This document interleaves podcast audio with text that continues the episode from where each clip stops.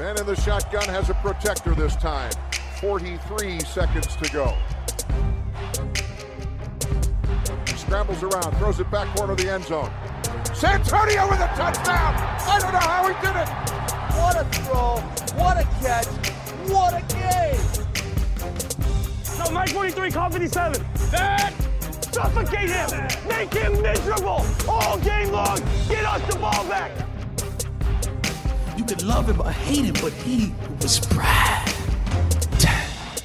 Hej och välkomna till veckans NFL som presenteras i samarbete med GameDay.se. Jag heter Mattias och med mig har jag Lasse och Rickard också precis som vanligt. Hur är läget Lasse? Eh, det är bra. Eh, ni slapp sitta och vänta på med den här podcasten. Jag har suttit här en halvtimme innan och skulle trycka på, på spela in bara för att jag inte skulle vara den där som kommer sent till, till poddavsnittet igen. Så att, eh, eh, lugn och fin. Ja, det är bra. Rickard? Det är bra med mig också. Jag ser fram emot här nu ett program där Lasse är extremt förberedd. Att han har suttit den här halvtimmen Mm. och utnyttjat den tiden, inte bara rullat tummarna. Och googla varför MS Röj inte låg på min dator längre. Varför inte det är standard på datorer. Ja, det är katastrof. Ja, så att eh, jag är förberedd på MS Röj. Jag, jag vill ta ett sidospår.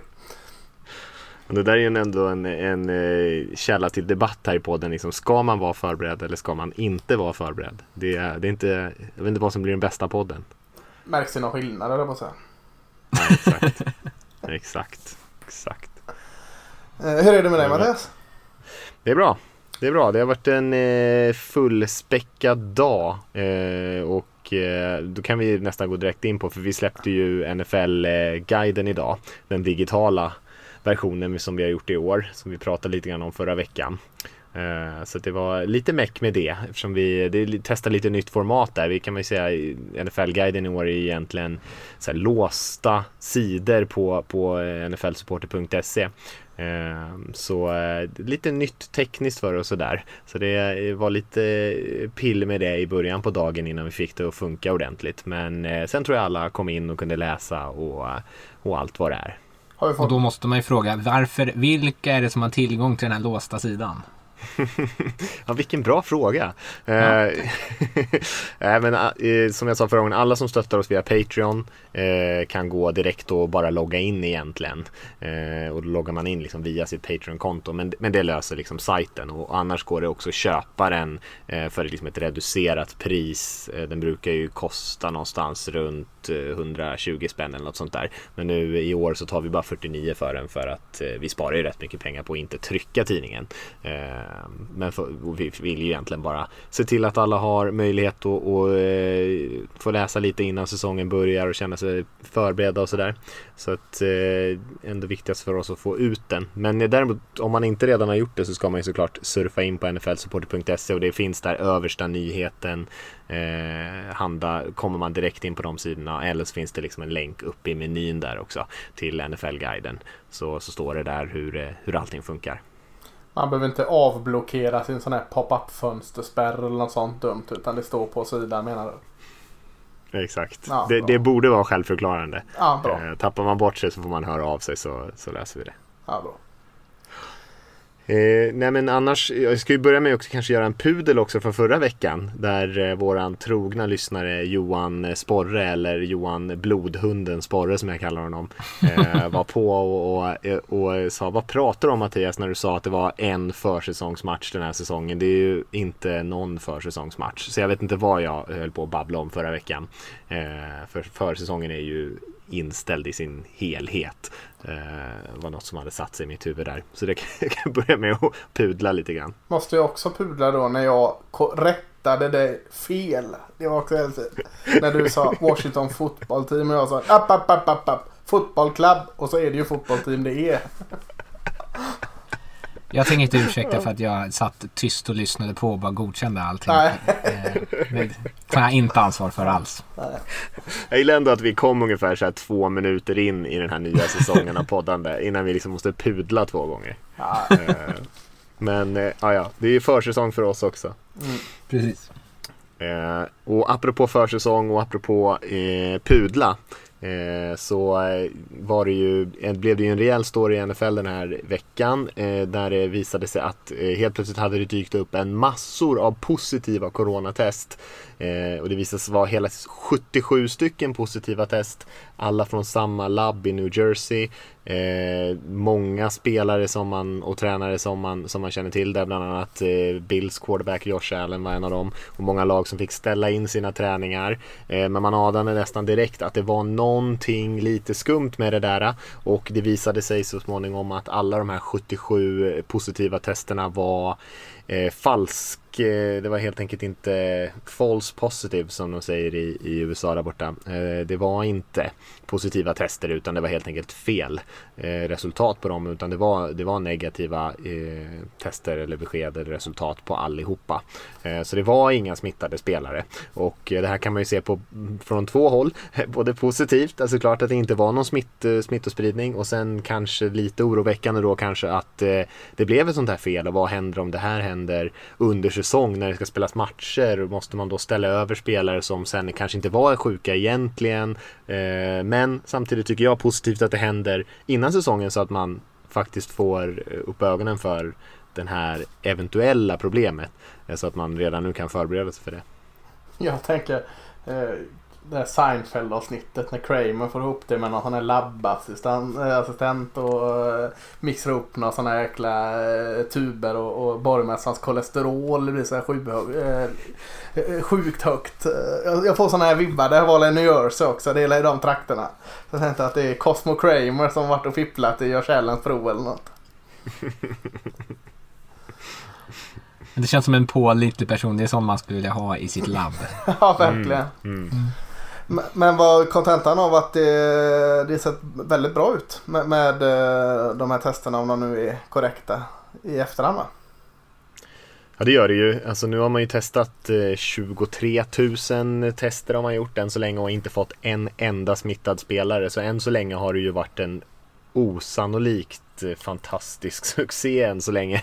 De här eh, försiktighetsåtgärderna man har tagit i den här isoleringen som man har kört. Eh, jag tror man kanske kommer kan, man kan nog nästan räkna med att, att vi kommer få se smittade spelare någon gång under säsongen. Men än så länge så, så går det väldigt bra faktiskt. Eh, det ska man väl ändå säga. Och sen så är det ju bara den här grejen då med eh, hur, hur säkrar man upp den här processen på ett bra sätt så att inte de här felaktiga resultaten börjar spridas under säsong sen. Mm. Mm.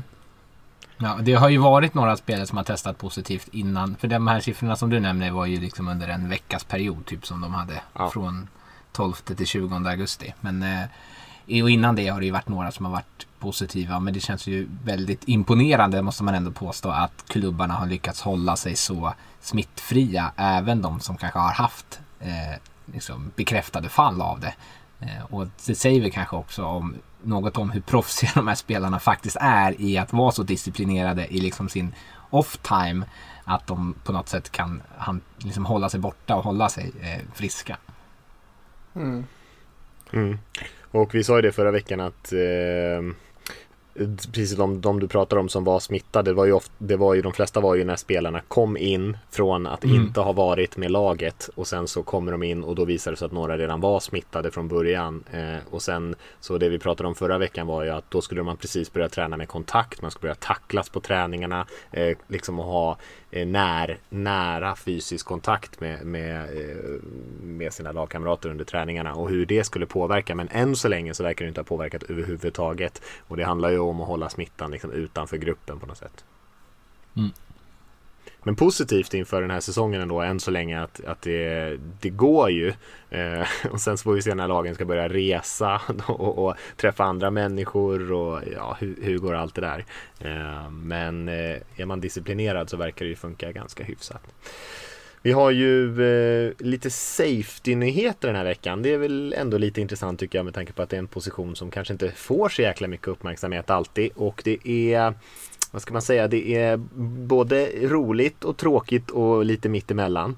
Eh, och vi kan ju börja med den eh, tråkiga. Det är ju att Grant Delpit, eh, safetyn som eh, Browns draftade, i år. Har eh, dragit av sitt korsband. Hade stora, många som hade höga förhoppningar på honom. Eh, jag till exempel. Trodde att han skulle, kunde komma in och spela riktigt bra där. Eh, ska vi säga någonting om det?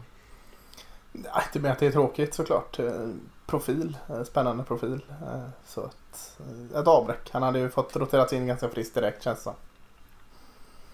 Mm, jag tror det också. Eh, och sen kan vi väl ta den eh, lite roligare då, då Buddha Baker. Eh, en annan safety som eh, fick eh, bra betalt av sitt lag Cardinals här, Arizona Cardinals och blev faktiskt den högst betalda safetyn någonsin. Eh, nu blir man ju ofta det när man får nya kontrakt i NFL. Men eh, han är ju högre betald än alla sina kollegor på positionen. En spelare som jag skulle säga att han har spelat bra. Eh, men jag skulle inte säga att han är den bästa safetyn i NFL. Eh, och kanske till och med ett par stycken före honom. Men han är ju en ung och spelare på väg åt uppåt i karriären, åt rätt håll liksom. Eh, jag vet att Rickard, du gillar honom väldigt mycket. Ja, jag tycker han är Framförallt så tycker jag han är rolig att kolla på. Det har han varit ända sedan college. Eh, sen kan jag hålla med om att han kanske inte är den bästa i ligan. Men eh, jag, jag, tror ju, så, precis som dem då, att han har en ganska tydlig pil rakt upp. Jag tror att han kommer bara bli bättre och bättre. Han var lite begränsad sitt första år när han spelade. Eh, fick inte så mycket speltid kanske som jag tyckte att han förtjänade. Eh, och jag, han, jag, tycker att han bara blir bättre och bättre. Ehm, så jag, Lite överraskande mycket pengar kanske, men eh, in, jag tycker inte att det är jättekonstigt. Jag tycker framförallt, alltså jag håller med båda där. Eh, men jag tycker fortfarande det har varit lite för lite snack kring Buddha Baker. Han är så pass bra så han borde, mm. borde eh, märkas på tidningsomslag och billboards och eh, första nyheter lite mer än vad han har gjort. Han har liksom presterat bra ganska länge och inte riktigt varit sådär mycket snack om honom som det borde vara. Framförallt som Rickard säger att han är ju väldigt underhållande spelare att kolla på. Ja, och jag, det kanske hänger ihop lite grann att han hade en lite långsam start på karriären. Det är så här, mm. ofta är, vi har inte så mycket tålamod vi som kollar. så ibland så får man ett intryck av en spelare och så tar det jäkligt lång tid att förändra det intrycket. Ja, så, eh, så han har ju eh, började lite segt och sen har han spelat väldigt bra ganska länge. Eh, mm. Men eh, ja, tar tid att vinna över folk helt enkelt. Vi har en andra sista safety-nyheten är väl kanske den som är eh, mest, mest konstig kanske lite grann. Eh, och det handlar om Earl Thomas, gamla Seahawks safetyn som eh, var en superstjärna under sin peak i alla fall. Nu har han ju blivit lite äldre och har ju haft en, en del konstigheter för sig. Det började ju med att han pekade fingret åt, åt sina egna coacher i Seattle precis innan han lämnade där och sen hade han ju hela den här incidenten den med otrohetsaffären där hans fru blev arresterad för att hon riktat vapen mot honom. Och nu har, hamnade han i slagsmål med eh, Chuck Clark, tror jag han hette, hans safety-polare i, i Ravens, där han nu spelar och spelade förra säsongen också. Och och sen eh, visade det sig att eh, lagkamraterna där i, i Baltimore hade snackat ihop sig och sagt till ledningen egentligen att nah, vi är inte säkra på att vi vill ha kvar honom i laget för att de stördes på honom så mycket och sen kom det upp grejer om att han hade missat möten och, och han hade varit sent i möten och en, en, en, gång hade han missat ett möte för att han skulle tvätta bilen. Eh, eller var det sent ut möte för att han skulle tvätta bilen. Och eh, men han har ju alltid varit lite egen och haft lite attityd eh, och kanske som matchar inte riktigt spelet den attityd längre. Och det slutade med att eh, Ravens i alla fall släppte Earl Thomas och nu letar han efter ett nytt jobb. Mm. Kommer det bli lätt för honom att hitta ett nytt tror du? Jag är inte jättesäker på det. Jag tror han säkert kommer få ett nytt jobb men frågan är lite grann var just nu. Men eh, jag, tror att han, det är klart, jag tror att han får det. Han är en stabil starter men eh, Eh, mm. Det, det är inte optimal situation. Det var ganska mycket intresse kring honom ju när han gick till Ravens. Så frågan är om någon av de lagen, Dallas och Chiefs till exempel, om någon av dem är lite sugna på att eh, dra lite och kolla, kolla ifall han liksom är, är vad ska man säga, missförstådd i Ravens eh, eller inte. Ja, han och cowboys har ju flörtat en hel del med varandra. Men, men Jerry Jones förnekar ju. Men det har han gjort förut och så är det inget uh, mer med det. Men ja, Seahawks då, comeback. Jag skulle inte tro det. Nej, det...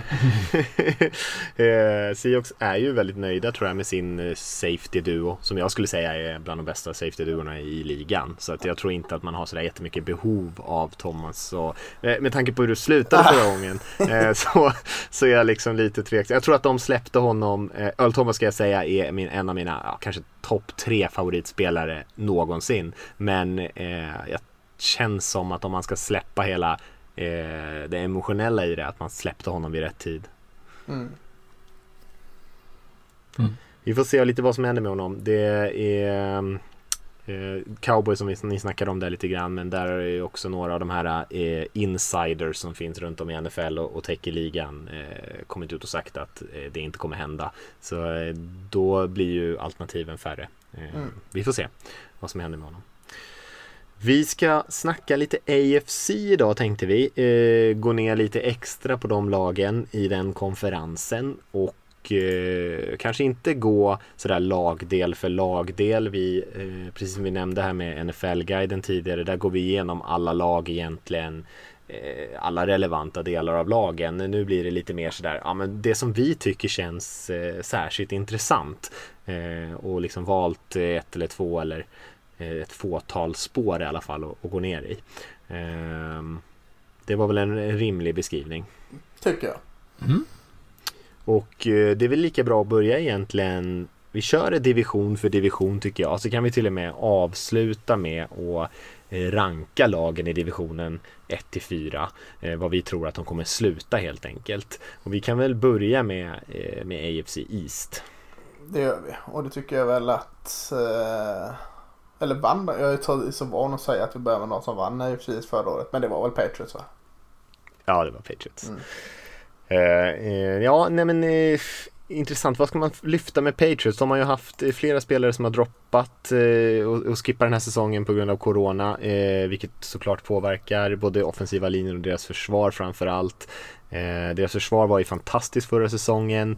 Eh, det, jag, jag, tror att det kommer vara nästan omöjligt att hålla den nivån igen. Eh, och då drog man ju med sig laget lite grann. Så att det som jag tycker är intressant är hur anfallet till Patriots utan Tom Brady ska eh, lyckas dra sitt del, sin del av lasset. För det tror jag ändå att man måste göra här. Och eh, vi pratade om det förra veckan, den här truppen kanske inte är riktigt värd vad liksom eh, vad Vegas eh, oddsmakarna sätter i antal vinster, att de ska vinna liksom 9-10 matcher ändå med den här truppen. Och det ska ju bli intressant. Jag är inte, alltså jag säger inte emot det, jag skulle också sätta det där någonstans, men det beror ju på att man har ett oerhört förtroende för coachingstaben där. Och eh, det ska bli intressant hur, att se hur Belichick och gänget ska vinna matcher. Eh, för Josh McDaniels där, offensiva koordinatorn, de har, han har ju varit och tittat på och varit besökt olika college coacher och sånt där för att verkligen undersöka de här eh, dual threat spelsystemen som man ser i college med en atletisk quarterback som både kan springa och passa. Och nu får man in Cam Newton, man pratar om så här, ska de spela en dubbel QB system? Ska man, vad ska man göra med Cam Newton? Hur mycket har han kvar? Eh, Jarrett Stidham som man pratade om som var där innan har ju uppenbarligen eller tydligen inte sett alls bra ut på träningslägret och dessutom haft skadeproblem här nu. Så att mycket lutar ju åt att det kommer bli Newton och för mig är det hur ska det här anfallet spelas? Hur kommer det se ut? Eh, hur tänker Belichick att de ska vinna den här matcherna? För man, man tänker att han kommer göra någonting oväntat eh, coachmässigt, strategiskt för att kunna vinna de här matcherna. Det tycker jag är det mest spännande. Hur kommer Newton se ut i New England Patriots uniform? Hur kommer det här anfallet se ut? Hur mycket kommer han springa bollen?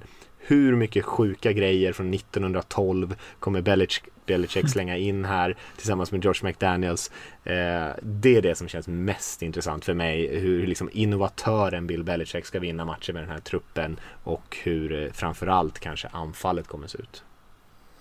Ja, eh, de har ju kvar Rex Burkhead, running backen där. Så det känns tryggt att kunna luta sig mot honom såklart. Men, eh, nej, men eh, ja, Cam Newton, alltså det hade det varit så jäkla konstigt om han gjorde en fantastisk säsong som han har gjort tidigare. Jag känner inte att det hade varit så jäkla konstigt. Nej, det är inte det hade orimligt. inte varit så jäkla Nej. konstigt. Men...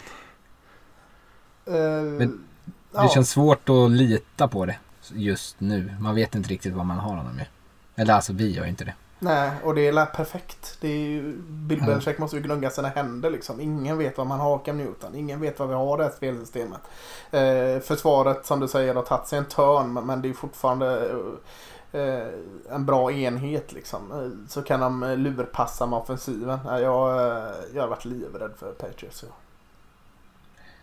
De har ju varit väldigt duktiga på liksom att på något sätt eh, förändra anfallet. Eh, eller förändra egentligen både anfallet och försvaret. Ja, precis. Eh, mm. Liksom efter spelarutbudet som de har varje säsong. För de har ju alltid en, liksom en, en rotationsdörrar in och ut. Mm. Ehm, så det är ju så svårt att föreställa sig att den här tränar, tränarstaben inte liksom skulle hitta någon form av lösningar. Men sen är ju frågan hur bra den lösningen faktiskt än är. Mm. Ja, precis. Nej visst. Mm. Eh, men det ska, bli, eh, det ska bli intressant för jag tror att absolut att de kommer kunna vara med och konkurrera. Jag tror att Newton om han håller sig frisk kommer göra en, en bra säsong. Mm. Alltså det är liksom, jag tror inte han kommer vara en av ligans bästa quarterbacks nödvändigtvis. Men, men han kommer säkert kunna prestera i det systemet om han inte skadar sig. Det, det, jag tycker det bara känns väldigt intressant just för att det är så mycket osäkert. Eh, och se hur de ser ut bara. För det kommer vara mm. annorlunda tror jag. Är det samma visa med Bills där, eh, Rickard? Eller att det är väldigt intressant offensiv? alltså jag tycker Bills är spännande eh, för att allt handlar ju egentligen, och det är ju så tråkigt kanske för att man går alltid tillbaka till quarterbacksen, men allt handlar ju verkligen om Josh Allen och han, vem han är. Han har ju liksom varit lite eh, Dr Jekyll och Mr Hyde. Det har varit toppar och dalar och kanske, tycker jag i alla fall, att han haft djupare dalar än vad han haft höga toppar. Eh, försvaret kommer ju liksom prestera. Så frågan är hur mycket han kan bära dem. Och han behöver ju bli en pålitlig spelare. Som de liksom, vi såg ju hans dårskap i slutspelet förra året när han liksom, för, liksom försökte forcera fram massa konstiga spel. Mm. Och han, jag vet inte vad han höll på med. Den där passen han... där eh, sitter ju kvar i huvudet när han skulle göra någon ja. sidledspass i ett jävla skede där. Ja, han, här, han försökte kanalisera Pat Mahomes som han såg typ ut som jag gör när jag springer runt bak sidan här. Um, så, och, och, så kan han ju inte göra liksom. Han, och framförallt inte de där stora matcherna och stora tillfällena. Då måste han ju vara som mest pålitlig. Um, men han har ju ett ganska bra... Han har, nu tradar de ju Stefan Diggs. Han har ju alltid varit eh, produktiv. Eh, han har Cole Beasley och John Brown, så han är ändå ganska bra receivers runt omkring sig. Eh, och så har de ju draftar de Zach Moss, eh, en sån här draftälskling för många, bland annat mig, som eh, jag tror att han kommer vara bra både i liksom, passanfallet som en passningsmottagare men också som en blockerare. Liksom.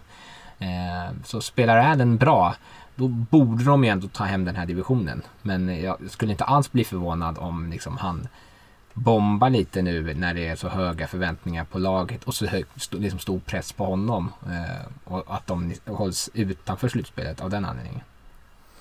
Ja, jag, jag är inte lika övertygad. Jag, eh, det var ju mitt favoritlag att hugga på förra året så det ska det inte vara i mm. år mm. tänkte jag. Men, men eh, är det så bra receiver så? Stefan Diggs är jättebra såklart. Eh, Cole Beasley är bra slott receiver men John Brown är det så spännande egentligen? Alltså, han spelade bra förra året. Ja, Som ett djupt hot är han ju bra, men han är ju inte kanske... Mm. Jag, jag, jag känner halvdan. Offensiva linjen...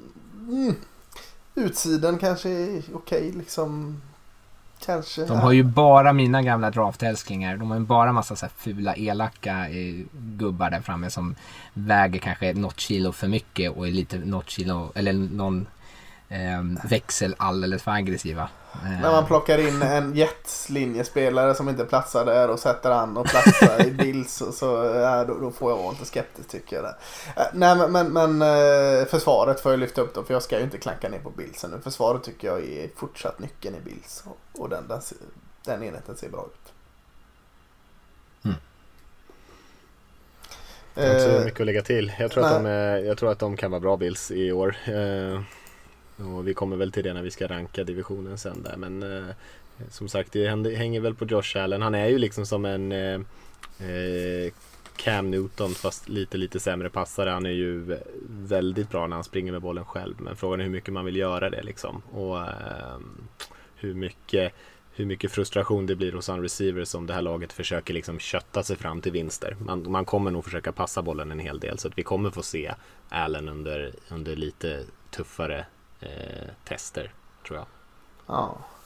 Eh, jag flaggade för dem lite förra veckan som ett spännande lag, Miami Dolphins här. Eh, har vi tagit nyckeln i form av quarterback på eh, tidigare lag så får vi ju nämna den här eh, Tua Tagovailoa. Eh, hur, hur det är med honom. Eh, när kommer han in? När kommer han vara spelklar? Han som vi har sagt ett par gånger, men vi kan säga det igen. Han, han fick ju avbryta sin collegekarriär lite för tidigt eh, på grund av en skada där. Så, och, och var ju, kunde inte visa upp sig i slutet men valdes ändå såklart högt och är sjukt spännande quarterback. Eh, verkligen en, en, profil, kan bli en profil ska jag säga. Så att eh, alltså någon form av utropstecken, nyckel och funderingar är ju eh, hur startklar tror jag Tagovailoa kan vara. Och eh, ska Ryan Fitzpatrick bära fram tills han är klar. Eh, Känns också lite elakt mot Josh Rosen. Alltså fasken vad han har fått en halv chans att lyckas i NFL. Eh, kom in i sämsta tänkbara läge för Arizona, tradades till Dolphins. Övertygade inte där heller men nu är han nere på depth charten där också. Men, men Eh, Quarterback-positionen tycker jag är spännande. Här tycker jag det är bra receivers i, i receivergrupp med Devante Parker, Isaiah Ford, Preston Williams. Offensiva linjen kanske inte den bästa men, men spännande ändå. Alltså jag tycker eh, det är mycket nytt som ska klicka och det gäller försvaret med. Det, är, så, det kanske allt det de började, allt det de slängde ut förra året. För de slängde ut sjukt mycket spelare förra året och gjorde verkligen en total rensning. Nu ska de få allt det nya som har kommit in eh, både på försvarssidan och offensiva sidan att eh, fungera ihop en säsong som denna med eh, ingen off-season med eh, restriktioner, förkortad camps och allt detta. Så att eh, det ser spännande ut men, nyckeln tycker jag är liksom att få de här, alla de här nya spelarna att funka ihop under de här mindre bra förutsättningarna. Så att på pappret är jag spänd på Miami Dolphins. Men jag är lite orolig på att de kanske kommer igång i slutet av säsongen först. Mm. Ja, alltså det är ju lite sån här, det här Dream Team Eagles-känslan av att man mm. har så mm. plockat in en massa spelare och så vet man inte riktigt eh, vad kommer det liksom landa i när de väl är i Miami. Kommer de kunna få ihop en enhet där de här spelarna liksom komplettera varandra eller kommer det bara liksom vara kaos med liksom inköpta spelare som inte kan, liksom, in, behöver göra saker som de inte har varit bra på tidigare? Nej men det, det känns lite så. Nu har man ju fått eh, också så här rapporter att alla de här rookiesarna på offensiva linjen de draftade ganska mycket där. Vad, vad var det? Det var eh, Austin Jackson, Tecken och Rob Hunt och Solomon Kinley. Alla de har sett sjukt spännande mm. bra ut på eh, försäsongen. Som alla gör på säsongen säger man. Men det var roligt liksom att uh, få in tre stycken offensiva linjemän uh, från årets draft som, som kan bidra redan år ett. Så att, ja, det är mycket nytt och spännande med Dolphins. Mm. Om man ska säga om Tua där också så hade han ju en ganska tuff start eh, på träningsläget enligt rapporterna. Men eh, nu senaste veckan så har han sett riktigt, riktigt bra ut om man ska tro på de beatriders som har varit där på plats och sett Miamis träningar. Eh, annars är jag inte riktigt så övertygad om den här truppen. Jag tror att de kommer ha svårt att vinna fler matcher än vad de gjorde förra säsongen. Där man vann kanske fler matcher än vad man borde. Mm. Eh, men jag håller med om att de är på väg åt rätt håll. Mm. De är, det finns mycket spännande. Jag gillar också Tua väldigt mycket. Vad har vi kvar? Jets i den här divisionen. Är de på väg åt rätt håll? Fel håller ju svårt.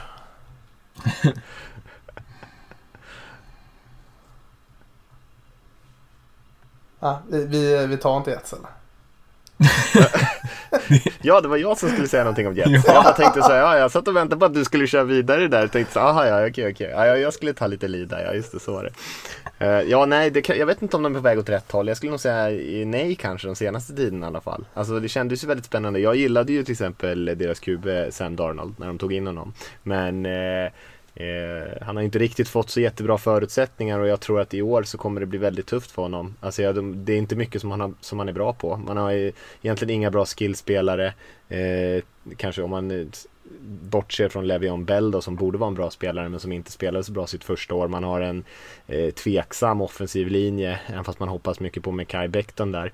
Eh, för annars skulle ju det som var, skulle ju vara det som är liksom nyckeln här, att nu är det dags för Sam Darnold att ta nästa steg i sin utveckling här. Men jag ser inte riktigt att han har förutsättningarna runt omkring sig för att göra det. Och även i försvaret så tycker jag inte att man har en, en särskilt bra trupp. Så att det är liksom ingenting som kommer riktigt kunna bära det här laget. Man är relativt dåliga på de flesta fronter. Eh, och eh, Ja, det är svårt att ens hitta någonting som är en riktig nyckel för det här laget tycker jag. Jag, jag, jag har redan totalt uteslutit dem från slutspelschanserna. Eh, och jag tror man kommer vara ett av de sämre lagen i både den här divisionen och konferensen. Um, så det är väl egentligen det som, man, det som man kan hoppas på tycker jag från en Jets-supporter. Nu säger jag inte att uh, bara för att jag säger att de inte ska gå till slutspel så är det omöjligt. Men uh, det är jo. ju att se uh, framsteg från Sam Darnold från det här anfallet. försöka få in Mims och Becton och de här unga spelarna som man har, har tagit in här nu. och försöka hitta en väg fram som känns lite hoppfullt. Men det är lite tufft att se positiva tecken på att man är på väg åt rätt håll tycker jag ser ju bedrövlig ut truppen alltså. alltså. Jag kan inte minnas att jag sett en sämre uppställning eh, på pappret än vad Jets presenterar i år. Alltså, Nej, det, det skulle in... varit Miami förra året nästan. Nej, jag, jag, jag, tror det här är värre alltså. Eh, det finns ju små pluppar av spännande så här, eh, Marcus May safety tycker jag är så bra liksom. Quinnen Williams har inte övertygat än han eh, defensiva linjespelaren som vi alla var tokkära i förra året. Men det mm. kan ju mm. vara något spännande kanske. Eh, Mecke Becton, han har inte ens eh, spelat än. Alltså, när du säger Levion Bell så också känns inte heller det alls spännande. Ja, den, den är... Ja usch. Ja, det är svårt att hitta. Svårt att hitta riktiga stjärnor i den här truppen. Ens, ens unga lovande spelare är också svårt att hitta. Alltså det, är, det, det är väldigt svårt att hitta någonting riktigt skoj faktiskt eh, i den här Jets-truppen. Så att det, det är väl liksom om det är någon som kan överraska positivt så är det ju det kanske man får sitta och leta efter lite grann. Skulle jag säga. Ja. Ja, du sa att det var synd om Josh Rosen, eh, Lasse. Jag, tänk, jag, tycker nästan mer synd om Sam Darnold som måste vara i Jets. Jag hade hellre varit tredje QB i Hade du det? ja, kanske.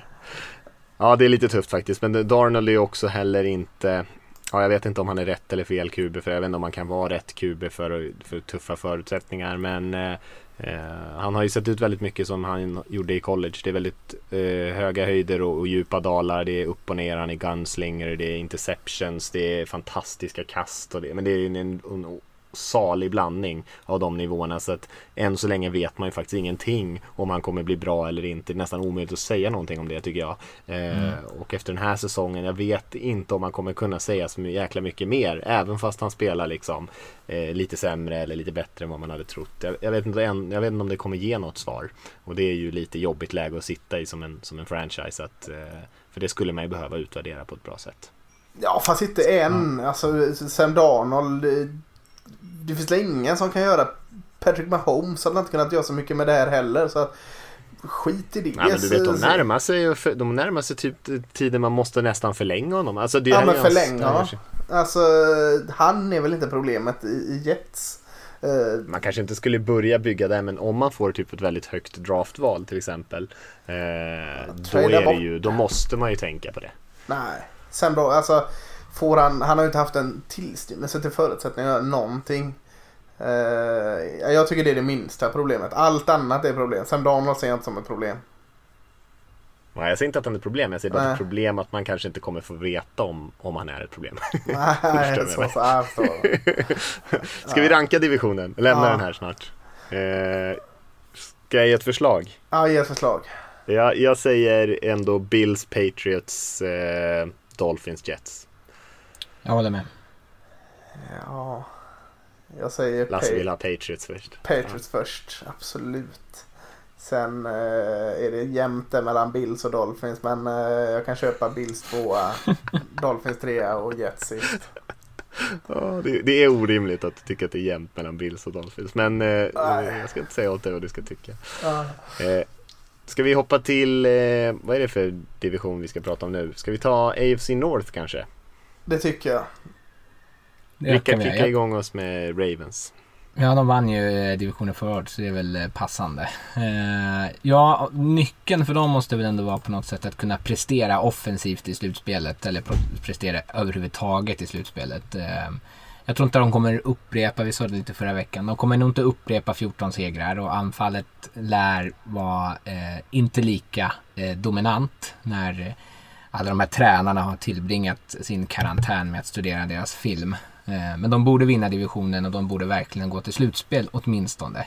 Eh, men där har man nu liksom förlorat mot Chargers som var femtesidade och så förlorade man mot Titans förra året som var sexsidade och man har gjort det på hemmaplan. Eh, och när liksom deras, de som försvarar Ravens eh, liksom fjolår, de pekar på att de ändå lyckades piska upp 530 yards mot Titans. Eh, men det blev ju knappt några poäng av det. Eh, de hade 11 serier Eh, tre av dem resulterade i poäng varav två stycken var field goals. De hade lika många serier som slutade i, i en fumble eller interception och de hade en, en mängd som slutade i downs. Eh, framförallt för att det var sent i matchen men också tidigt i matchen för att de gärna körde på fjärde försök.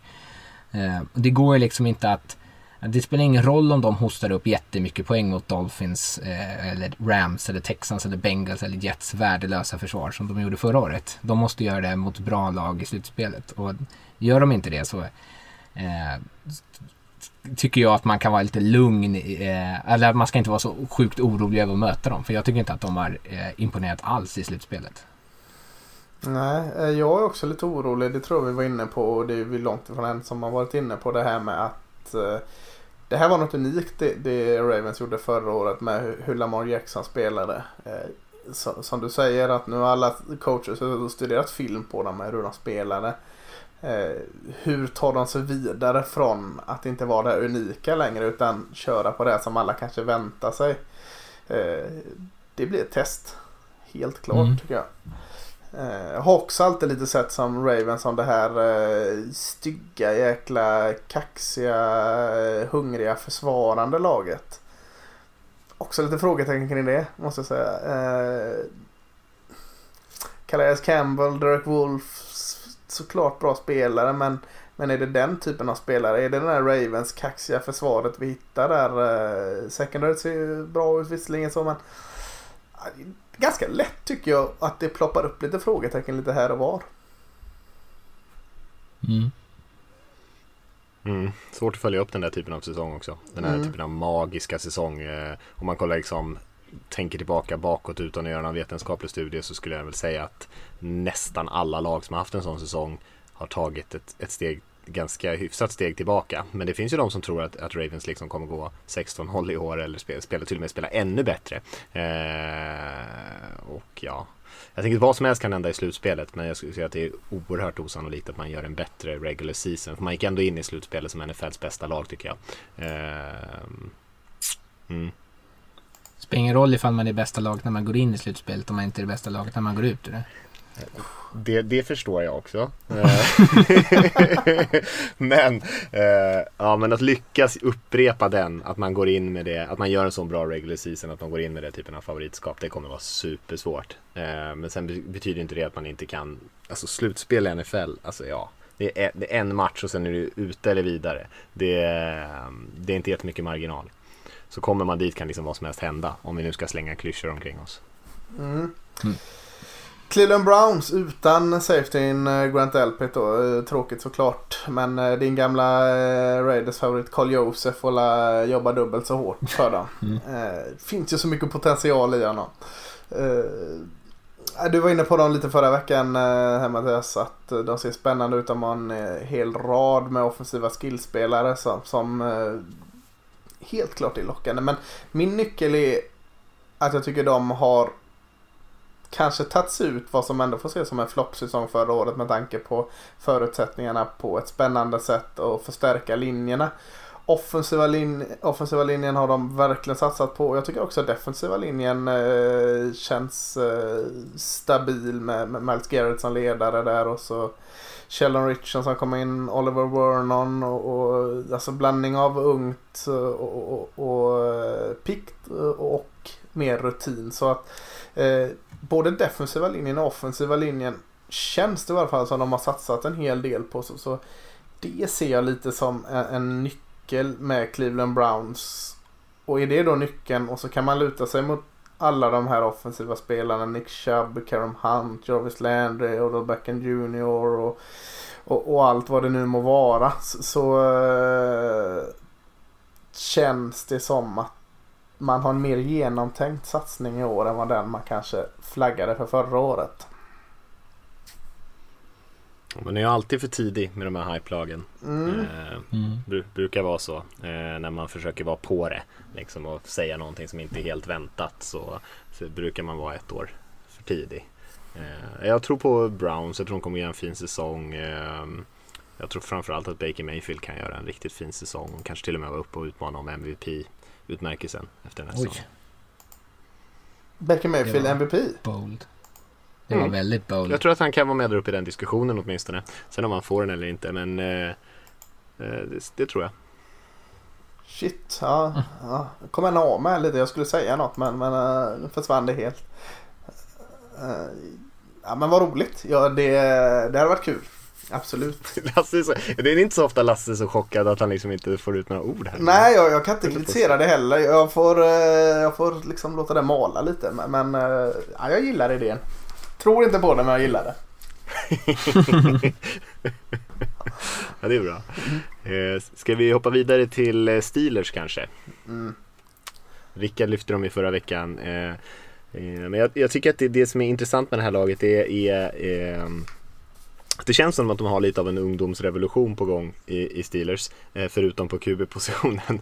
och, eh, och det handlar ju om att, eh, att Roethlisberger ska hålla sig hel här och leda de här uh, unga kalvarna till, eh, liksom, till the promised land där och vinna en Super Bowl innan han liksom rider av i solnedgången där. Eh, och jag menar det finns så många unga spännande spelare i det här laget. Alltså om vi pratar om anfallet där med James Washington, Deontay Johnson, de unga receiverspelarna.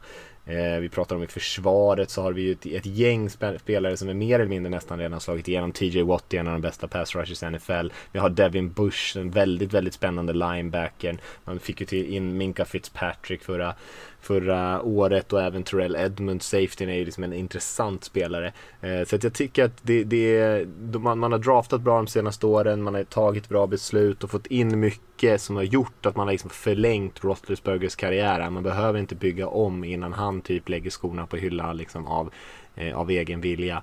Så att det, jag tycker det finns inte så mycket mer att säga än det som Rickard lyfte förra veckan. Det, om, om Roethlisberger så håller sig hel och han ser ut som han gjorde tidigare så här, kan det här laget bli väldigt, väldigt farligt. Men det, jag tycker att det är ett ganska stort om.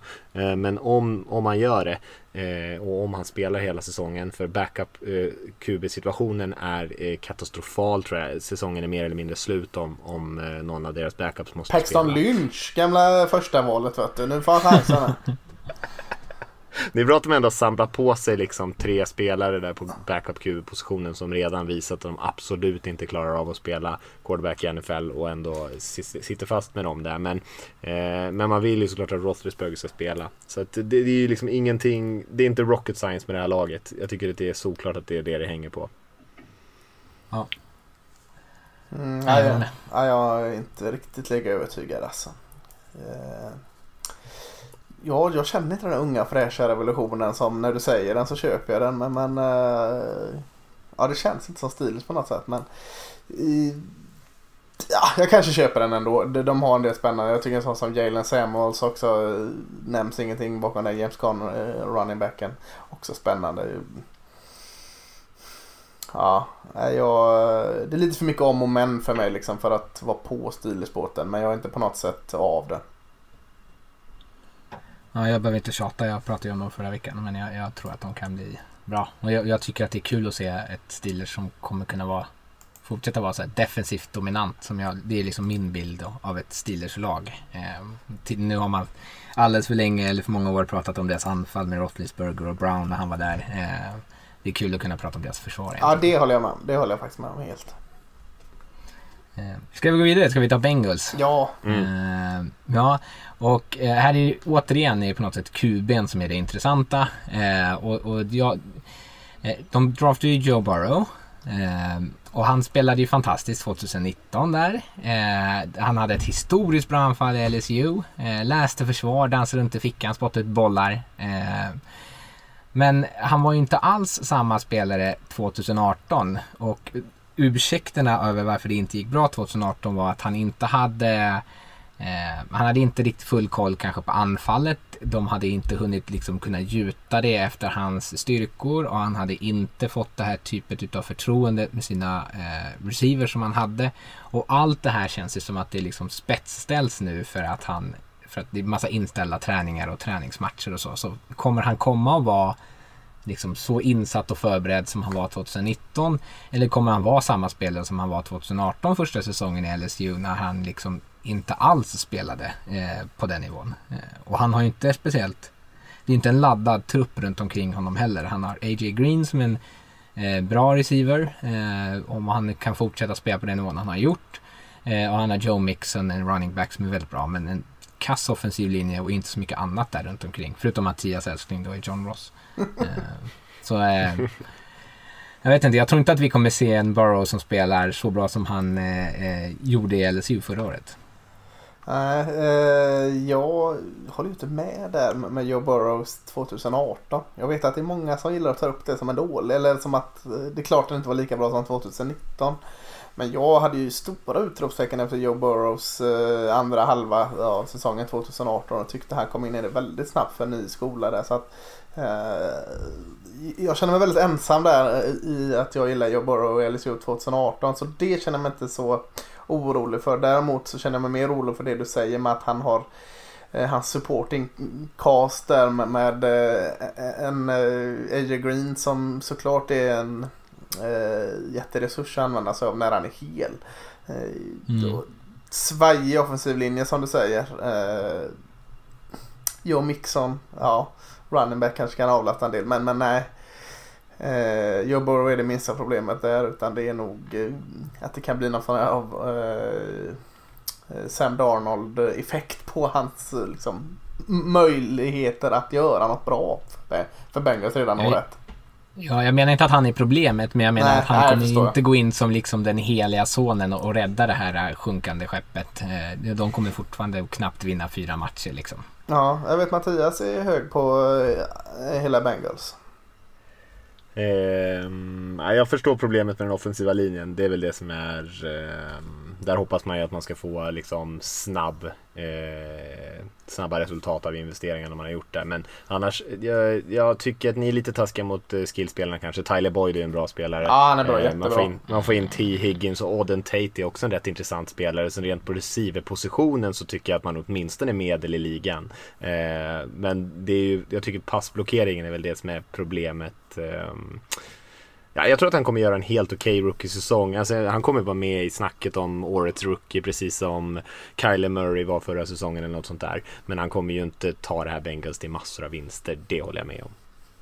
Försvaret då? Det var väldigt eh, ofta man har lutat sig mot, mot eh, försvaret ser stabilt ut. Ser det så stabilt ut längre? Jag menar så här, Gino Atkins och Carlos Dunlap har det pratats om i bra många år nu liksom. Eh, är, det, är det något att ha det längre? Nej. Alltså de spelarna är ju helt okej, men, ja. men försvaret som helhet är väl inte särskilt bra, nej. Det känns inte så. I alla fall. Nej. Eh, ska vi cementera dem i botten då av eh, divisionen? Kan, kan, kan du köpa det Mattias, du som är, som är het på dem? mm, vi får se om det blir en breakout season för John ja. Ross, men annars eh, kan det väl vara för fyra. Eller? eh, det är oerhört svårt sen tycker jag. Är, mm är Ravens etta då om vi ändrar på det? Bengals i botten, Ravens i toppen. Ja. Mattias? Ja okej. Okay. Ja, okay. ja. ja mm. Mm. Sen är det uh, Brown Steelers säger jag. Ravens, Brown, Steelers, Bengals. Slänger ut min tabell och så får ni ändra. Jag tror att, Brown, jag tror att Steelers kommer tvåa. Ja. Uh, och jag vet Mattias, du är väl orimligt hög på Browns. kommer du säga att de vinner divisionen? Nej, det kommer jag nog inte göra. Eh, nej, det kommer jag inte göra. Vad sätter du dem före Steelers då? Jag tycker det är svårt också faktiskt. Ja, jag skulle nog, eh, jag skulle nog kanske, alltså det som sagt det är så jäkla mycket beroende om, om jag tror att Roethlisberger spelar hela säsongen. Men, eh, nej men jag säger att Browns går före då. Så ja. Steelers trea. Men jag tror att de kommer sluta på ungefär samma vinst. Jag, jag kan tänka mig att vi ser tre slutspelslag för den här divisionen. Mm.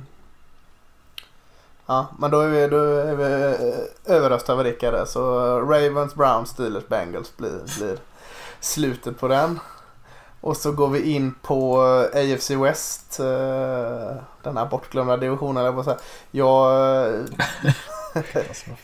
jag, jag får äran att börja prata om Denver Broncos. Uh, Rickard hypade upp dem ordentligt förra veckan. Så att Ja. jag högg på den direkt att jag ska prata om Denver Broncos här uh, såklart. Uh, Det är ditt nya favoritlag. Ja, jag älskar Denver Broncos. Jag har faktiskt ägt en Denver Broncos-jacka en gång i tiden.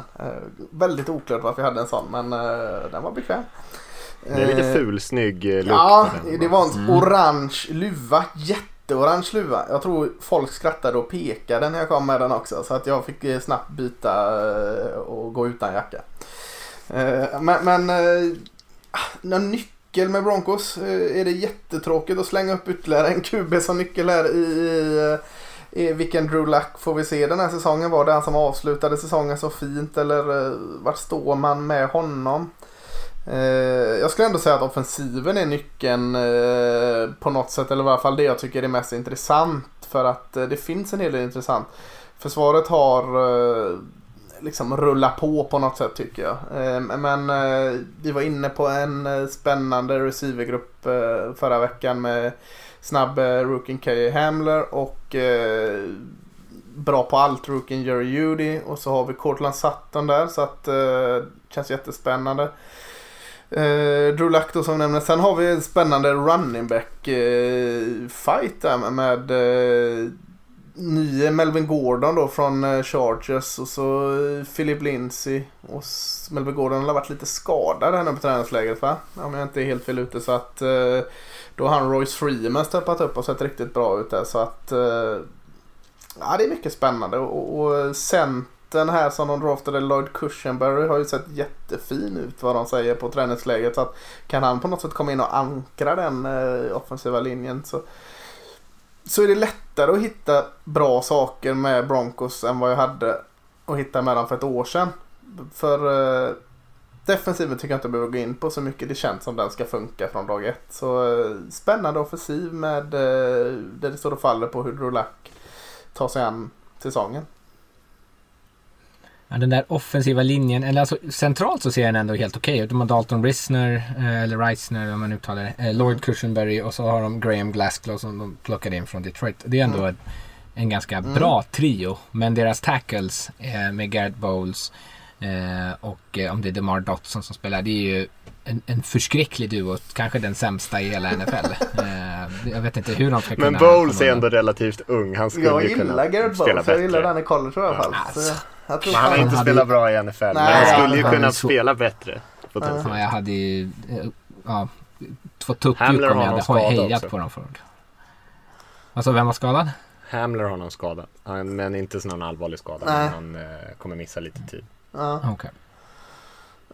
Ja, nej, offensiva linjen kanske är en svaghet då. Men, men eh, ja, jag är nog på ditt hype-tåg där med, med Broncos ändå. Mm, Eh, det är bra. Lägg det till att eh, försvaret ser ju bra ut. Liksom. Så, så tycker jag ett spännande offensiv att eh, väga upp det försvaret. Så ja, de är nog kanske favorit att utmana Chiefs ändå. Ja. Det där vill inte Rickard höra. Eh, nej men jag håller Nej, med. men jag De, tror de ju har på ju, jag älskar ju Jerry Judy och Cortland Sutton är ju eh, fenomenal. Han gjorde en Ja. otrolig säsong förra säsongen. Var en av de bästa receivers i NFL. Så att eh, det, händer, det är ju, ja, Drew Lock där, vad kan han hitta på? Och sen eh, om han inte dominerar utan bara är helt okej, hur mycket kan försvaret bära dem? Är väl lite intressant fråga för det där laget skulle jag säga. Mm. Mm. Eh, ska jag hoppa över och prata lite Kansas City Chiefs? Det, jag menar, det finns inte så mycket finns inte så mycket att tillägga. De flesta vet väl vad Chiefs är. Det är liksom eh, fantastiskt anfall som slänger in poäng och sen har man haft ett försvar historiskt i alla fall som har utnyttjat de möjligheterna som, som man får av, av ofta leda matcher. Och man vann ju faktiskt, eh, eller spelade bra utan Mahomes eh, förra säsongen också. Eh, men med, har man NFLs liksom bästa eh, quarterback i sitt lag så gör det eh, såklart en enorm skillnad. Chiefs kommer ju vara ett av topplagen i, i NFL även den här säsongen. Man har en stark trupp på alla möjliga sätt eh, och jag tror att försvaret kommer kunna spela bättre. Eh, anfallet kommer vara liksom ett självspelande piano tror jag. Eh, och Eh, det är svårt att se hur de ett, inte ska vinna sin division och, och, och två, inte liksom vara med och an, eh, liksom utmana om, om Super Bowl. Jag, jag vet inte om det finns några särskilda nycklar. Eh, det kanske skulle vara att försvaret kan vara lite, lite mer opportunistiska. Jag såg ju Juan Juan Thornhill där, unga safety bland annat kom in och spelade jäkligt bra, så nog lite ja. interception. Så man kan fortsätta vara på den linjen liksom. Eh, försöka utnyttja de möjligheterna man får. Eh, knipa lite turnovers och sånt där. Men eh, vad ska man säga om laget som vann, vann Super Bowl trots att man hade sin quarterback skadad en del av säsongen och bara körde över folk. Och eh, ska bli riktigt kul att se eh, Edward Selaire, eh, running backen som spelade med Burrow på LSU, vad han kan göra i i det här spelsystemet. Eh, de är väldigt nöjda vad det låter som med honom. Låter som mm. att han kommer få en stor roll eh, och eh, det kan ju bli hur spännande som helst. De har också två väldigt spännande unga receivers där, DeMarcus Robinson och Mikael Hardman. och en otrolig snabbhet överallt. Nej, ja, det, det, är samma Chief som förra säsongen skulle jag ändå säga. Eh, och det kan vara tillräckligt farligt det. Ja, verkligen alltså. Och de har ju lagt pengarna nu. Stora kontrakt på Travis Kelce och Patrick Mahomes och, och eh, kommer väl det kommer inte finnas så mycket pengar till annat eh, om ett par år här. Så eh, det är ju nu de ska fortsätta dominera och allt tyder på att de kommer fortsätta dominera. Jag tycker deras försvar har goda möjligheter att, att steppa upp och spela bättre än vad man egentligen gjorde förra året också dessutom. Så att nej, de ser jättefarliga ut. Ja, alltså nyckeln är väl att försöka planera hur de ska kunna fira sin Super Bowl-vinst eh, om det fortfarande är corona-pandemi pandemi då eh, i februari. Jävlar vad du gillar att bygga upp din underdog. Eh. Men Chiefs är ju helt... Rickard har alltid gillat Chiefs också lite extra. Det är lite intressant. Han, alltså jag har ju också haft rätt de senaste åren. Uh, ja, nu hade du kanske fel några år innan. Sen det att de anställde Andy Reid så har jag varit hög på dem och det har jag haft fog för tycker jag. Mm, ja, ja, ja, okej, okej, okej, okej. Eh, Laget i sin city då? ja, exakt. ja, eh, jag ska försöka vara opartisk här i Raiders. Nej, du får vara eh, partisk. Tack. Eh, ja, alltså det, jag tycker att det är ett, eh, ett mer spännande Raiders än vad vi har sett på, på många år. Jag tycker att eh, de har gjort vad de kan i draften eh, för att fylla på med vapen till, till Carr. De plockade in Brian Edwards och Henry Rugg som båda har sett väldigt bra ut på camp. Ehm, nu har Jason Witten. ja, precis. Jason Witten. Eh, ja, han, jag vet, hoppas inte han kommer spela någonting. Men eh, det kommer han säkert göra ändå. Gruden älskar gamlingar. Eh, men Tyrell Williams, deras startande receiver, har ju problem med en axel som han ska spela igenom. Vilket gör att Brian Edwards kommer säkert få en ännu större chans i att liksom mejsla sig en roll där. Eh, så det känns spännande. Jag tror att anfallet eh, Mikar kommer vara så bra det kan vara Mikar. Jag tror att de kommer vara okej, okay, han kommer kasta för en massa yards. De kommer ha eh, ett gäng touchdowns men lite mindre vad man skulle vilja eh, och kanske inte vara så här superspetsiga. Så om nyckeln då, om man ska liksom se på vad som var resultatet 2016, då var det en bra defensiv linje. Eh, då var det ju Khalil Mack såklart som var, ja, som var ensamt var den här bra defensiva linjen. Eh, men nu eh, på campen man pratat om Rod Marinelli som vi har plockat in från Dallas, coachen. Eh, han coachar vår defensiv linje, defensiva linje och han, det ser ju jättebra ut enligt rapporter såklart. Alla ser bra ut på camp. Eh, men Max Crosby eh, spelade, bra ut förra, spelade bra förra året. Kan han fortsätta utvecklas? Kan Clelin Ferrell kanske inte vara en sån besvikelse som han var i fjol. Eh, och Malik Collins plockade, tog, följde med Marinelli från Dallas har sett eh, bra ut och lär ha en ganska viktig roll som en Eh, penetrerande defensive tackle på linjen. Ehm, så de behöver prestera för att eh, dels för att anfallet inte ska behöva spotta upp så mycket poäng eh, och inte behöva ha så dåliga liksom, startpositioner. och eftersom att man har ett secondary som är ungt och ganska oprövat med massa rörliga bitar som skulle kunna behöva få lite stöd i en bra pass rush. Mm, jag tycker det är jättespännande med deras defensiva linje för eh, mm. jag gillade ju Rod Marinelli eh, i, i, eh, som defensiv linjecoach. Han fick ju verkligen ut mycket av defensiva linjespelarna i Cowboys. Eh, och så bara kollar jag på namnen här då. Alltså Clelin Farrell och Max Crosby. Crosby är ju redan där. Clelin Farrell kan väl bli det, det känns så. Mm. på kanterna. Och, och bakom där har du också Arden Key och Carl Nassib som borde kunna roteras in friskt också. Mm. Och så på insidan där med Morris Hurst och Collins som du säger. Men då även en sån som Jonathan Hanking som, som jag också tror det finns eh, att hämta ut. Så att djupet på defensiva linjen tycker jag ser jättespännande ut. Det kanske är den bästa djupet på någon defensiv linje. De kanske inte har topparna som vissa andra lag har. Men, men eh, just rotationen tycker jag ser jäkligt spännande ut. Det är ju toppen de behöver få till på Ja. vis. För det, det liksom Men Max Crosby kan vara det. Max. Crosby är ju... Mm. Jag kan bli hur bra som helst egentligen känns som. En sån eh, Ja. dumstrut som bara kör liksom. Eh, bara maler på tills någon säger till en att ja, nu, nu ska vi äta lunch liksom. Eh, så ja, djupet och så eh, en eh, fortsatt fin utveckling på Max Crosby så tycker jag den defensiva linjen ser spännande ut.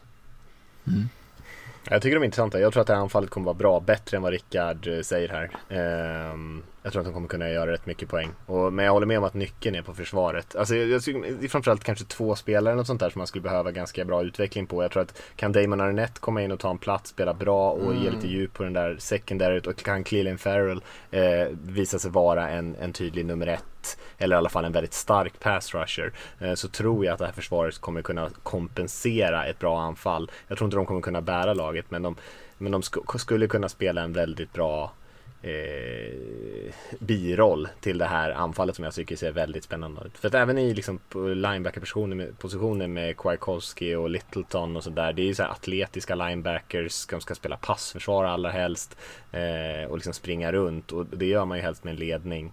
Ehm, så jag tycker det är inte så mycket som behöver falla på plats för att det här laget skulle kunna vara riktigt bra. Sen betyder inte det att man slår Chiefs men eh, att man kanske sniffar på en slutspelsplats eller tar sig dit. Det tror jag finns en ganska bra chans med den här truppen. Ja, sen ska jag lägga till ny stad, nytt hem, allt detta ska klaffa in. eh, Det är också frågetecken i det såklart.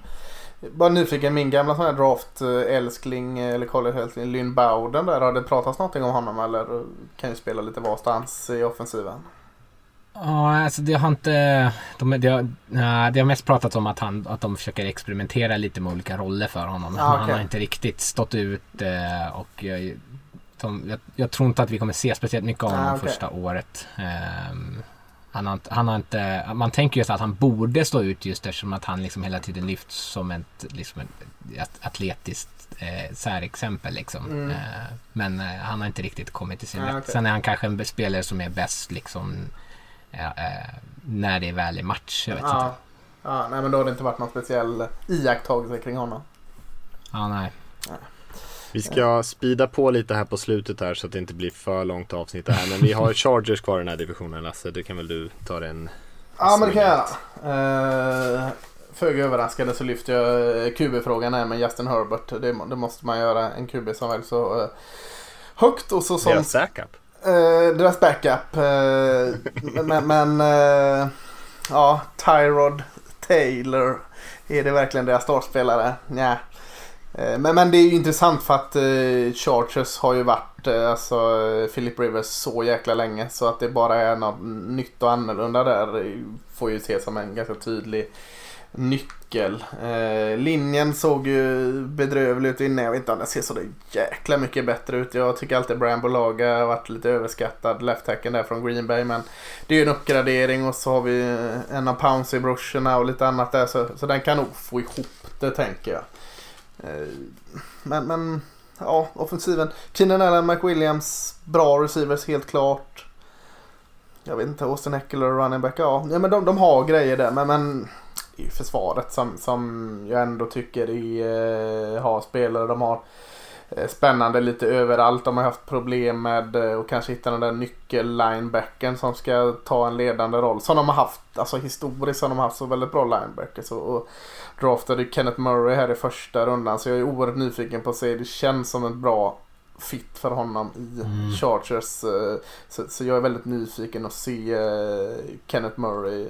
Han har vissa brister men, men eh, känns som han kan liksom eh, funka väldigt bra in där i mitten i eh, Chargers linebackergrupp. Och, och, och då har man, alltså defensiva linjen är, är bra, jättebra. Eh, corners och, och secondary bra, kanske jättebra. Och så är det den här linebacker-positionen, vad har vi den? det kanske är tungt att lägga så mycket press på, på en eh, rookie redan säsong 1 men, men, det får bli någon form av nyckel att liksom kanske få hela försvaret att fungera en hel säsong.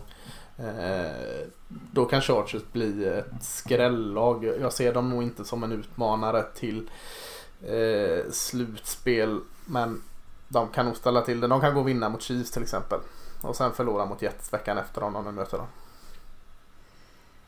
Mm, spännande lag tycker jag. Sjukt ja. spännande lag. Alltså jag tänker på så här passmottagarna om, om alla liksom håller sig friska, vilket inte är alltid säkert med typ uh, Hunter Henry till exempel. Men om man har Keenan Allen, Mike Williams, Hunter Henry och Austin Eckler på plan samtidigt så är det få lag i, NFL som kan slå den fyran i passmottagare. För Eckler är en fantastisk running back i passningsspelet. Mm. Men uh, jag ju, var ju ganska tydlig med under draftpodden att jag tror inte jättemycket på Justin Herbert. Uh, och tills han liksom motbevisar mig, vilket jag ser fram fram emot att han gör om han, om han, om han nu gör det. Så, eh, så har jag lite svårt att tro på det här laget för jag tycker ändå att QB-positionen är så pass viktig. Men jäklar vad mycket duktiga spelare de har eh, spridda över den här truppen. Mm, helt klart. Eh, Chiefs etta. Eh, mm. Säger jag Las Vegas Raiders tvåa. Jag säger Denver Broncos. Nej, jag säger... Fasen det blir svårt. Ah, kan någon ta över det eller? Chiefs etta, Raiders tvåa. Delad tvåa på de andra tre. Ja, är det så eller? ja, det är jäkligt svårt tycker jag att separera ja. de lagen. Ja, det är lite av ett getingbo. Ja. Men jag skulle, om jag skulle sätta det skulle jag sätta Chiefs, Broncos, Raiders, Chargers. Så tror jag det hamnar. Ja, det är klart. Då, då byter jag plats på, jag säger Raiders före Broncos där. Så Chiefs, Raiders, Broncos, Chargers. Så får Mattias eh, lägga ut facit här. Nej, nej jag, jag eh, vill inte in och peta det där getingboet. Men det är sjukt att sätta Chargers sist egentligen i en sån här division. Ja, vi ser det. Hur mycket bra spelare de har. Men eh, ja, det, ja, det finns ju en anledning att de draftade en QB. Ja. Men ja, intressant. Ja, det känns som så här, om man ska peka ut en division med mest bortslösad potential så kanske AFC West skulle leda NFL. Ja, men AFC West är ju tvärt emot vad AFC North är. Där hade vi jätteproblem att eh, liksom eh, reda ut eh, Ravens, Browns, Steelers i toppen. Här har vi enorma problem att reda ut eh, Broncos, Raiders, Chargers i botten. Så, ja. Vi har en klar etta där och vi har en klar fyra i den tidigare. Men eh, ja, vi kanske får lämna det så. AFC West är ju ändå din division Rickard. Så du sa Chiefs etta, vad sa du, Broncos tvåa, Raiders trea yeah. och Chargers fyra. Då, då, då, tycker jag vi står fast vid det. Så får du bära skulden när vi är fel. Vi hoppar till eh, vi hoppar till AFC South då. Ja, och, eh, jag, jag, kan kicka igång oss med Indianapolis Colts. Jag pratade rätt mycket om dem senast. Jag behöver inte säga så jäkla mycket mer där. Eh, jag, jag, tycker att det känns som ett spännande lag som eh, kanske saknar riktiga stjärnor men som är liksom ett stabilt bygge på många sätt. Och jag tror att det kanske räcker för att vara ganska gift i den här divisionen.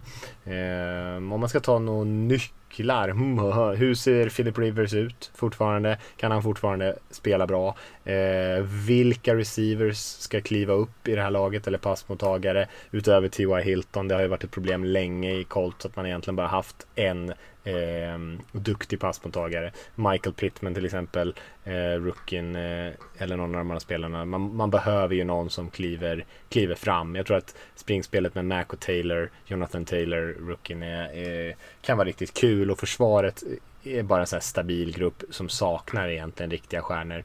Eh, men som, som känns ganska hyfsade rakt över brädet. Men jag tror att just för att lyfta det här laget så skulle man skulle man behöva ett par spelare som kliver upp på nyckelpositioner och det är, eh, jag skulle säga skillpositionerna, eh, framförallt runt passmottagarna, vem som ska vara Rivers polare här eh, och sen lite grann hur Rivers faktiskt eh, ser ut. För att han har ju haft bra spelare omkring sig i alla fall på de positionerna eh, tidigare här de senaste åren.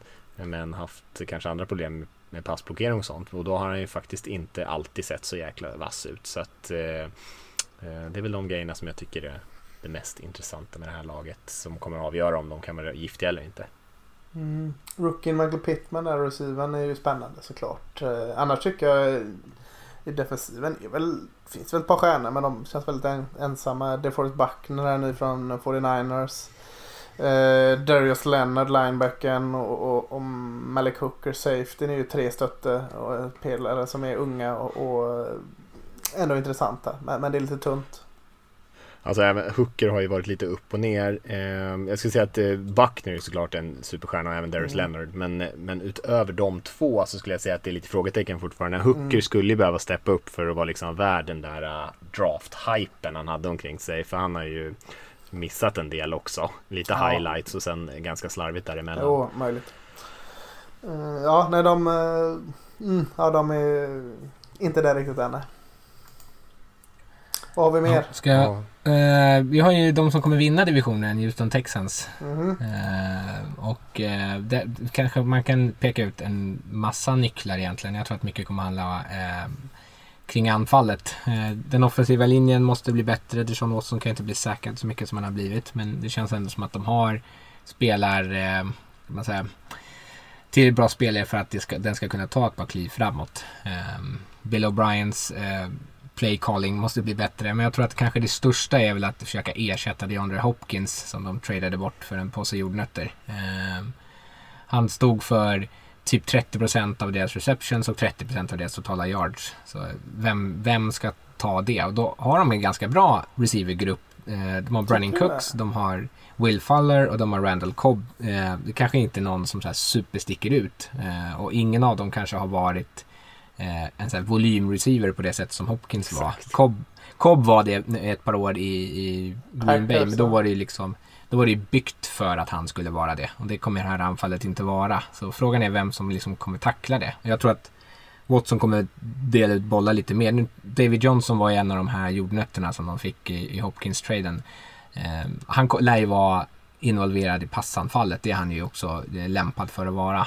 Men eh, jag tror att det kommer vara svårt och har den här äh, när allt liksom skiter sig i anfallet så som det har en tendens att göra i Texans anfall och eh, Dijon Watson måste skapa något på egen hand. Eh, för det var typ så de var effektiva förra året. Att vänta tills spelet inte längre var som det var designat och så försöka improvisera fram något då var ju Hopkins så viktig i att han hade ett så stort förtroende för att han skulle vinna de här 50-50 bollarna. Och jag vet inte om han har någon nu som han känner att han kan lita på. Eller det finns ingen som han borde lita på. Det är ju verkligen så här hit or miss receivers. Alltså Brandon Cooks, mm. Will Fuller, Kenny Stills. Det är så här big play, eh, gå djupt eh, och liksom eh, kanske många yards per mottagning men verkligen inte varit några stöttepelare och dessutom kanske dessutom missat en del tid.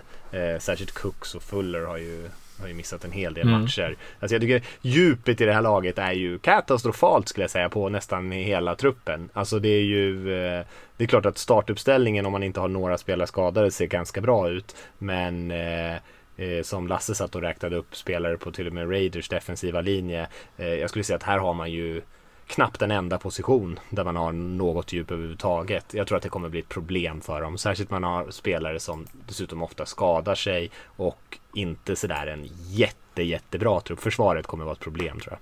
Jag tycker djupet på receivergruppen är det enda man har, men man har inga toppar där. Alltså du nämnde Kenny Stills, Kiki Cortey, Ronald Cobb, Will Fuller, Brandon Cooks. De har väl en fem andra och tredje receivers men ingen första receivers. Och där är väl djupen ingen topp. Och det är ju det är också oroväckande på sitt sätt.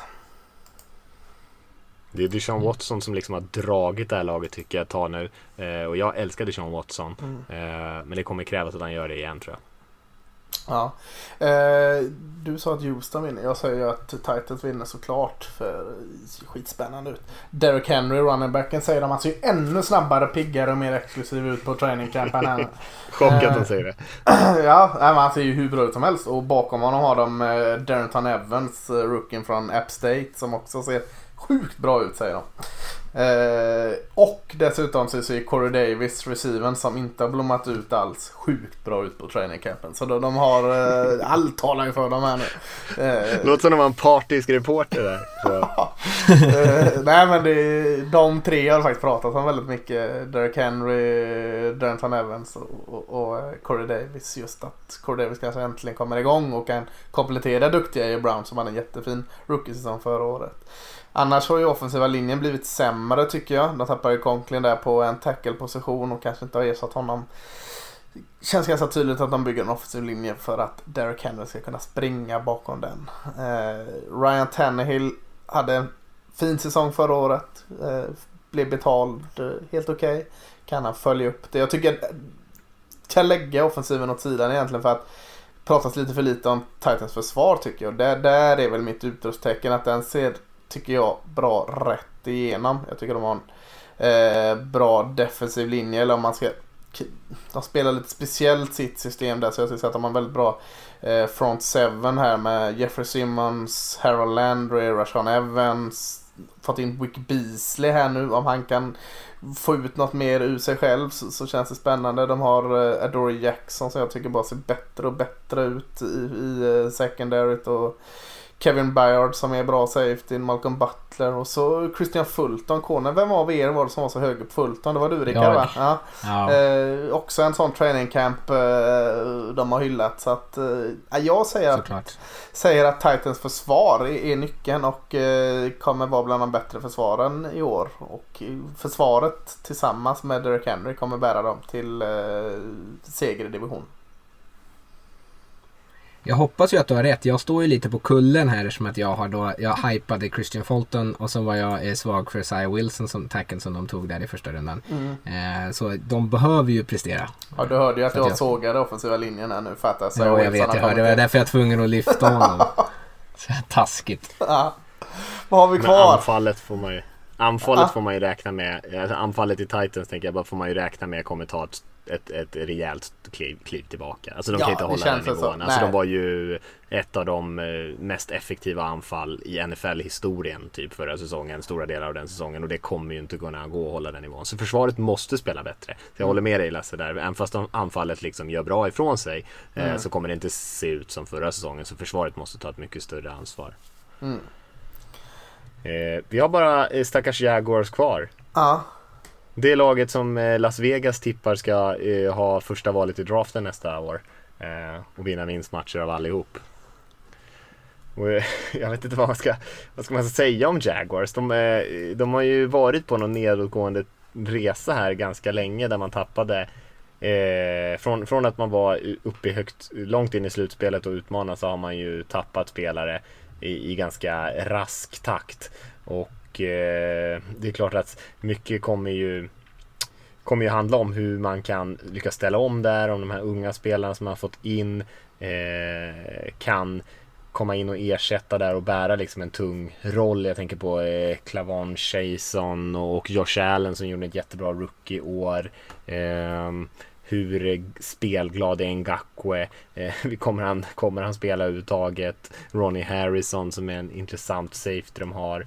Eh, sen annars är det ju lätt att ramla tillbaka på vad kommer hända med Gardner Minshew, eh, quarterbacken.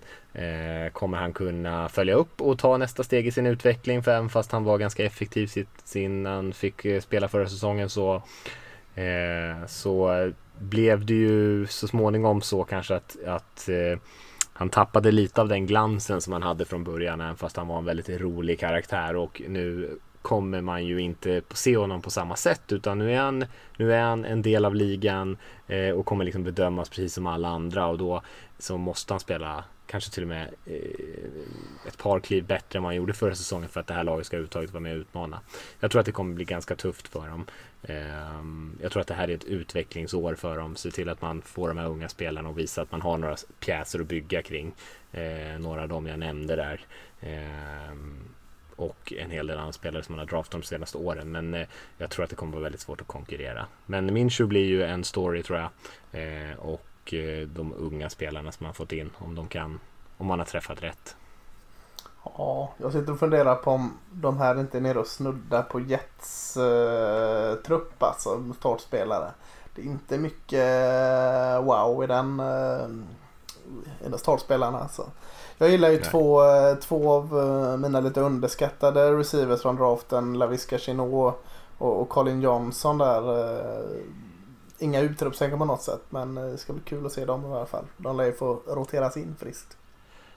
Ja, och alla de andra receivers som de har i det här laget är ju faktiskt helt okej okay spelare ja, också. Men det, är så, det saknas stjärnor men det är så här, mm. de har ju många ganska bra. Mm. Men ja, frågan är hur långt det räcker. Nej.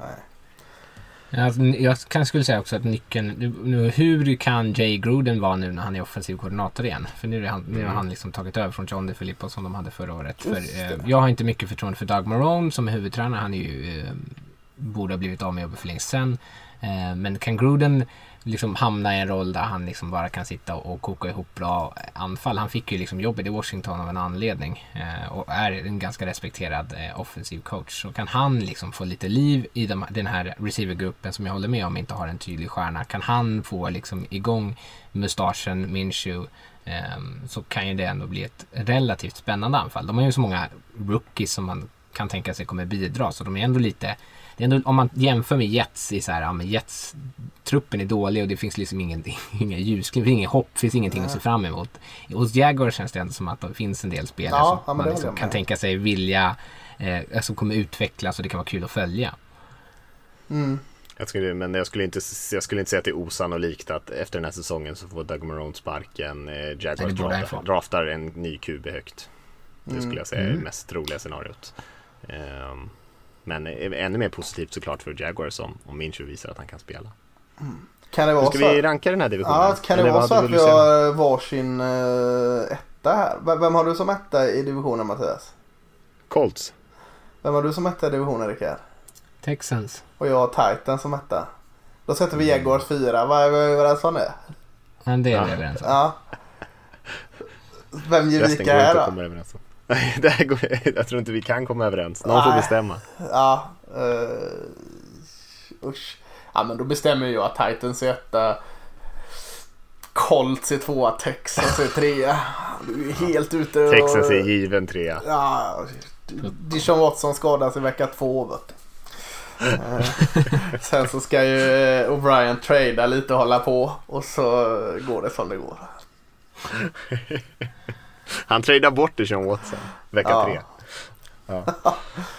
eh, vi hade en fråga, vi är uppe i rätt många minuter men vi kanske kan ta den ändå. Ska vi göra det lite snabbt? Eh, fick en fråga från David Bernhardsson här som eh, säger att nästa draft snackas det mycket om att Trevor Lawrence kommer gå som etta i draften, quarterbacken.